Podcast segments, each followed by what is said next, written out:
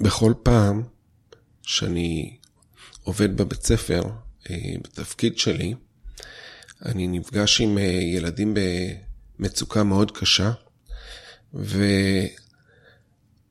מצליח לרדת לגובה העיניים, ואם מישהו שוכב על הרצפה אז אני אשכב לידו, אה, ואני אשהה איתו במקום שהוא נמצא בו, ועד שאני לא ארגיש שאני מצליח לתקשר איתו ולסייע ולהגיע למצב שכבר אנחנו מטיילים ומשוחחים, ואחרי כמה דקות גם כן נכנסים לכיתה. ואחרי כמה שנים אני שומע מאח שלו, שאמר לי שהוא אומר שדייוויד הציל אותו, זה אחד ה... זה אלה רגעים אה, מאוד אה, מתוקים שלי.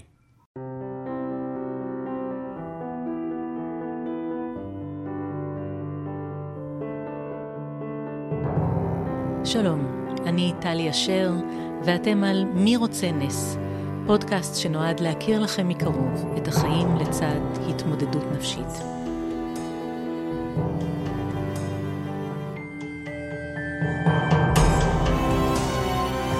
לא תשמעו כאן נתונים סטטיסטיים, לא נחכה לשערורייה תקשורתית שתעלה את הנושא לכותרות ליומיים שלושה. אנחנו כאן באופן קבוע, נכנסים ליומיום, לחדרי חדרים, ובעיקר לחדרי הלב.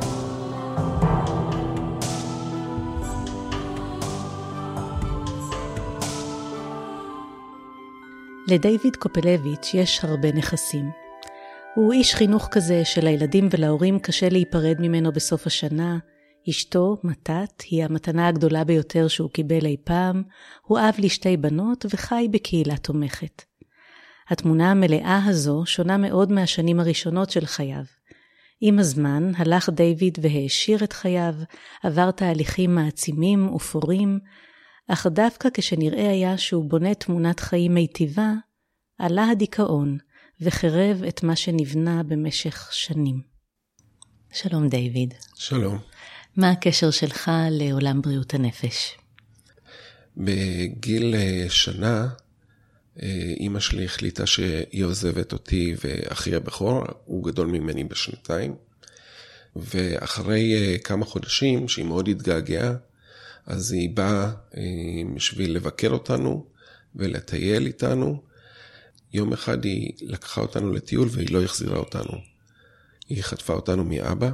לארצות הברית? לארצות הברית, ממקסיקו. נולדתי במקסיקו. אבא חיפש אותנו כמה חודשים והוא לא מצא אותנו. ואימא מהרגע הזה, כשהייתי בן שנה, שנה וחצי, היא לא דיברה על אבא, אז לא ידענו שיש אבא. הוא נמחק. כן. אימא שהתאבדה כשהייתי בן חמש וחצי. ואז מה קורה? שניכם נשארים לבד. אימא איננה. מי לוקח עליכם חסות? הסבתא לקחה אותנו, והזיכרון שלי הראשון זה שנכנס מישהו לבית ואומר, אני אבא שלכם. הסבתא יצרה קשר עם האב?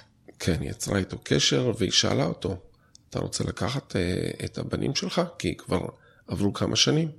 הוא אמר, בטח. אז אני הלכתי ואני הרבצתי לו, ואני אמרתי לו, אתה לא אבא שלי, והגענו לארץ. Uh, בארץ uh, פגשנו אימא חדשה, אבא כבר התחתן, עם אח צעיר בן שלושה חודשים. ואיך uh, מתחיל הקשר עם האב? איזו דמות אתה פוגש בכלל? הקשר uh, עם האבא היה קשר uh, קונפליקטואלי, קשה מאוד. רבנו כל הזמן, כל הזמן, על שטויות. אח שלי לקח uh, את הפן הרציונלי והקוגניטיבי, ו... ואני ככה קיבלתי את כל הפן הרגשי. ואני חשבתי שאני יודע הכל. ואבא ניסה ללמד אותי מה זה נכון ומה זה לא נכון. בגיל 32, אחרי uh, מהפך שעברתי בחיים שלי, אבא הצליח uh, להיות גאה בי. ואז חל המהפך. שזה לפני 20 שנה. הפכנו להיות uh, חברים מאוד טובים. דיברנו המון בטלפון. כל הכעס... התפוגג. התפוגג לגמרי. אז בוא נחזור לילדות. למעשה, אתה מגיע לארץ. יש לך שפה חדשה, סביבה חדשה, אבא חדש לצורך העניין, משפחה חדשה, אחרי חוויה של uh, עוד פעם ניתוק, עוד פעם מחיקה, מחיקת חיים. ומה קורה כאן? אז uh, אנחנו מגיעים לקיבוץ, uh, רק בכיתה ג' הצלחתי לרכוש את השפה. אני, אומר עד היום שאין לי שפת אם, כי כי הגעתי בגיל חמש וחצי, אז לא למדתי בארצות הברית. אפשר להגיד שזה סימבולי אצלך, דיוויד, כשאתה אומר אין לי שפת אם? כן, כן. בגיל 11 קיבלתי התקף אפילפסיה. הייתי מטופל שש שנים מטיפול תרופתי, לא קיבלתי עוד אף התקף. ובכיתה י' אה, אמרו לי, בגרות אתה לא יכול לעשות, מה שהיה מאוד נכון, כי השפה שלי הייתה קטסטרופה. ניקח אותך, תלך למגמת מכונאות רכב. יש לי שתי ידיים שמאליות. והמשימה ככה המרכזית בכיתה י"א הייתה לפרק מנוע, להרכיב ולהניע. עכשיו היה לי מזל, כי אה, שותף שלי היה טארק מכפר זרזיר, והוא אמר לי, אתה תפרק, אני ארכיב. זאת לא הייתה חוויית הצלחה, זה משהו שקרה בדרך. אבל זו כן חוויית חברות. נכון. אבל החוויה הייתה מאוד קשה. לימודית. לא הייתי פנוי ל, להבין דברים. סיימתי י"ב אה, ללא בגרות, ובגיל 18 אה, אה, התגייסתי לצבא. היה לי פרופיל מאוד נמוך, 31, קאבה נמוכה, דפר נמוך. מה אפשר לעשות איתו? להיות אפסנאי. חוויה מאוד קשה. מצאתי איזושהי קבוצה של חבר'ה טובים שהם אה, מדריכים אה, מילואימניקים, ובמשך כמה שבועות הלכתי לישון כל יום, שלוש בבוקר, עם כיפים וצחוקים והנאה, חוויה טובה, חברתית מאוד טובה.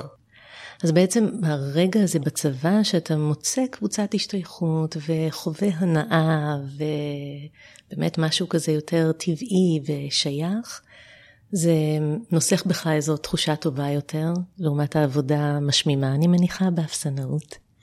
ואז הגיע אבל, סוף סוף אני חווה משהו טוב, ואחרי שלושה שבועות קיבלתי התקף אפילפסיה שני, אז אה, שחררו אותי מהצבא, אבל אני לא הסכמתי, והתנדבתי, רציתי לסיים שלוש שנים. והגעתי לרמת דוד, לחיל האוויר, ונכנסתי למשרד של. מפקד הטייסת, וישבה שם אה, מתת, שהיום היא אשתי. פגשתי גם את מתת וגם את המשפחה של מתת. זה היה התחלה חדשה, משפחה חדשה, ללא שיפוטיות, ללא דעות, ללא איפה אני הייתי ו- ומה היכולות שלי. גם ברגעים אה, הקשים עם אשתי, אז תמיד היה לי את חמי וחמותי, שהייתי משתף אותם והם היו נוזפים בה. ואנחנו גדלים בחמולה. למעשה אתה בגיל 20 התחלת לייצר לך חיק משפחתי משלך. ולא יכולה להתעלם מהשם של רעייתך, שהוא איזה סוג של מתנה שקיבלת, אבל זה אפילו אותו סיפור שסיפרת, שסוף סוף חווית שמחה. ואז קצת בגדת בגוף, או הגוף בגד בך, כי הנפש העזה ללבלב, דווקא זה בסופו של דבר הוביל אותך להתנדב, וההתנדבות מצווה אותך במקום שהתאים ליכולות הקוגניטיביות שלך. נכון, זה מאוד נכון. כשאתה בעצם בתוך התא המשפחתי החדש, המיטיב, אתה בתחושה שאתה מתחיל את החיים מחדש? כן, לגמרי. למעשה, לאורך ילדותך ונעוריך קיבלת משוב מהסביבה שאולי אתה טוב במכונאות, אולי באפסנאות, אבל לא בתחום האקדמי, לא בתחום הלימודי. ואתה חי עם התפיסה הזאת שאני מניחה שגם אימצת אותה לעצמך באיזשהו שלב. מתי זה מתחיל לקבל מחשבה מחודשת, או מתי אתה מתחיל לנער את זה ממך? בצבא, בשנה האחרונה, פנה אליי הסגן מפקד טייסת, ואמר לי, תקשיב, יש אה, קורס, יש בגרות במתמטיקה, קורס של אה, שלושה חודשים, אולי תנסה. ואני, עם הדימוי העצמי, שהוא ברצפה חזק מאוד, אמרתי לעצמי, אני אפס. אני לא יכול לעשות בגרות, אבל לא יודע, משהו אמר לי, תנסה. וסיימתי עם 94. חוויית הצלחה. כן. ובקריאת ים סוף אה, סיימתי בגרות מלאה. אני שומעת שכשאתה לוקח על עצמך משהו, זה עד הסוף. אה, זה נכון מאוד. אני, אני חושב שזה מחוסר ברירה. אני לא יכול לוותר לעצמי. אתה נלחם על החיים שלך. כן. אחרי הבגרות, אה, הייתי בקיבוץ ועבדתי בכל מיני מקומות עבודה ולא מצאתי את עצמי. ואתה צריך לעבוד או ברפת, או בפלחה, או בחשמליה, עבדתי בכולם וזרקו אותי מכל מקום. אבל אז, בגיל 23, בת כיתה שלי, היא פנתה אליי והיא אמרה, תקשיב, יש לך רישיון לטרקטור, נכון? כן, לכל הבנים היה רישיון לטרקטור. אני רוצה שתיקח אותי ואת הילדים מכיתה ה'-ו' לטיול בשדות. אמרתי, מצוין. לקחתי אותם, ובמהלך הטיול אני התאהבתי בילדים, והילדים התאהבו בי. וסיימנו את הטיול, ואמרה לי בת הכיתה, טוב, אתה נכנס לעבוד בחינוך. סוף סוף הגעת למקום הנכון. זאת הייתה חוויה מקצועית ראשונה מאוד משמעותית, מאוד משמעותית, עבורי, עבור הילדים, עבור ההורים. ופנו אליי, יש תואר ראשון בחינוך בלתי פורמלי. אמרתי, טוב, אני אנסה. הגעתי למקום שמאוד אוהבים אותי ומאוד מעריכים אותי, ולקול שלי יש משקל. בעצם במקומות האלה הדימוי העצמי מתחיל לעלות. אחרי אה, ילדות אה, מורכבת של חוויה של, של חוסר אהבה, קיבלתי כל הזמן אהבה. Hmm. וגם שם עבדתי מאוד קשה, מאוד קשה. אה, קשה וטוב, דיוויד? קשה ונהנית? מאוד נהניתי. הקורסים, רובם נגעו, העצימו, לימדו אותי, הבנתי דברים שאני חוויתי אותם. זה, זו פעם ראשונה בחיים שאתה מתמלא בידע. לא הייתה לך החוויה הזאת קודם. נכון. אה, עבדתי הרבה בתחומים של החינוך הבלתי פורמלי. בהנחיית קבוצות, בהדרכה, בכתיבת תוכניות חינוכיות, במקומות אה, משמעותיים, במרכז רבין לחקר ישראל, והיו לי המון חוויות הצלחה מקצועיות, ואחרי שלוש שנים סיימתי את התואר השני בהצטיינות. איך זה מרגיש, הרגע הזה? אז קודם כל, אה, פתאום אני חווה את אבא כגאה בי, אה, וזה גם היה פתאום העלאה משמעותית של הדימוי העצמי. פתאום אני אומר, חוץ מלדעת פיזיקה וכימיה ומתמטיקה, יש עוד אינטליגנציות. Mm. יש אינטליגנציות מרבות, יש אינטליגנציה רגשית. אולי אני לא כל כך טיפש. והבנתי, כאילו, יש לי אינטליגנציה רגשית, אני, אני יודע להביע את עצמי, אני מבין אנשים, אני מאוד אמפתי, אני מאוד מעצים. אה, בעבודה שלי, חברים שלי, אנשים שאני מתנדב אצלם. יש לך חוזקות מבורכות. כן, ש... עושות אותי למי שאני היום. כן, וגם מעניק ערך לאנשים אחרים. אז בסך הכל אתה בונה לעצמך חיים מלאים, למרות כל החסרים שפקדו אותך, ומכאן הכל ורדים ושושנים, או פחות? פחות. בגיל 26, אה, כשהתחלתי את התואר הראשון, אני חושב שבגלל הסטרס של הלימודים, של העבודה הקשה, אה, התחיל לי דיכאון. עכשיו, אה, הוא היה מאוד light, הוא, הוא לא היה דיכאון קשה. כן הייתי צריך טיפול תרופתי, כן היו לי רגעים של בכי, עצבות וחוסר תקווה, וקצת קשה לצאת מהמיטה. אתה מדבר על תקופה טובה בחיים שלך. שיש לך בת זוג שאתה אוהב, משפחה עוטפת שלה, אמ, אתה בתוך לימודים שלא דמיינת עשור קודם לכן שתהיה בלימודים האלה, ואז הזרעים של הדיכאון מתחילים לנבוט. תסביר לי את זה.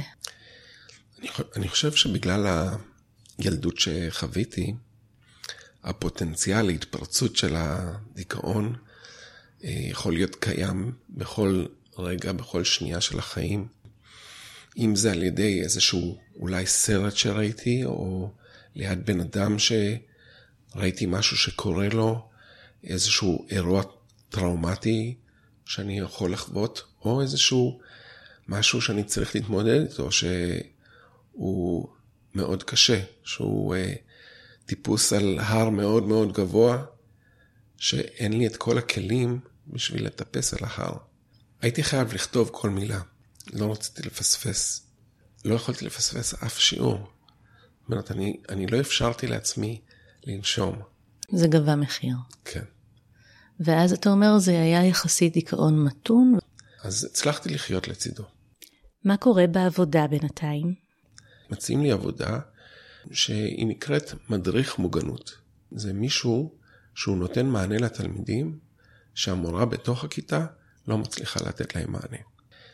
ילדים עם בעיות חברתיות, רגשיות, לימודיות, אה, חברתיות, ילדים שאני הייתי במקום שלהם בצורה כזו או אחרת לאורך אה, כל החיים שלי. אתה רואה בהם את עצמך. כן. ולמרות העבודה המשמעותית, משהו אצלך נסדק. בגיל 40 התפרקתי לגמרי. בבית הייתה התמודדות אה, הורית, ואני מוצא את עצמי נוסע לעבודה, ובאמצע הדרך בוכה, עושה פרסה, חוזר למיטה, ולא מתפקד בבית. הפך להיות אה, דיכאון אה, עוצמתי מאוד, עם ניסיון להתאבד. לקחתי המון כדורים, אני רציתי להיפרד מהכאב הנוראי הזה, אני לא הצלחתי. אני מקבל כל uh, שבוע לפחות שני התקפים שהם קטנים. Uh, זה התקף של ניתוק וקצת בלבול, ואני יכול לשכוח משהו, ואני יכול מאוד להתעייף, ואני צריך להילחם בדבר הזה. אני צריך לחיות איתו. התרופות, תופעות הלוואי, איתן ממש לא פשוט לי לחיות, עם הקשיים בזיכרון והפרעות קשב. הידיים שלי מאוד רועדות גם כן, אבל אה, אין לי ברירה. אם דיברנו קודם על איזה דיכאון מתון, ואחר כך בעצם דיכאון שעולה על גדותיו ומשתק אותך, אתה אומר שזה הגיע לכדי ניסיון אובדני. אני מניחה שזו כבר טלטלה מסוג אחר במשפחה, או כמובן בינך לבין עצמך. מה צריך היה להרגיש כדי שתקיים ניסיון אובדני? איפה היית? אשתי מאוד רצתה עוד ילד, ואני חשבתי שאני לא אוכל להכיל את זה, וכל פעם היא שכנעה אותי מחדש, וכל פעם מחדש אמרתי לה שאני לא יכול.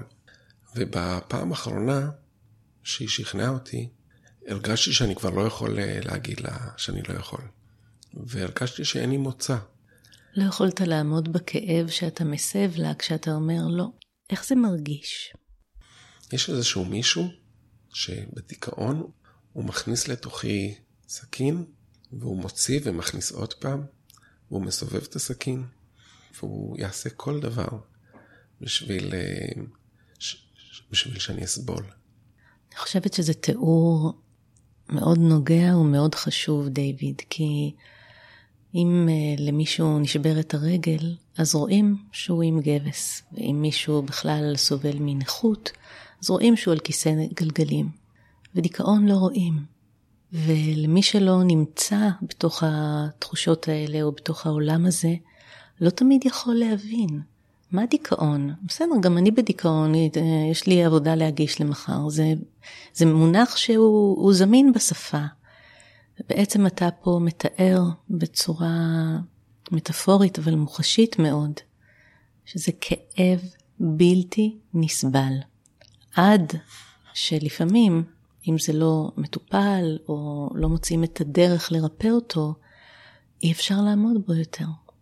זה נכון מאוד, אה, ואני חושב שזה כל כך קשה לתאר את הכאב אני יודע שאני לא היחיד, אבל אה, אני לא, לא נתקלתי בזה לפני שאני אמרתי שאני חושב שהדיכאון זה, זה הסרטן של הנפש.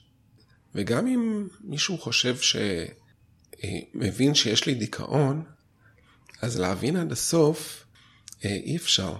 מה קורה אחרי הניסיון האובדני? אני נכנס.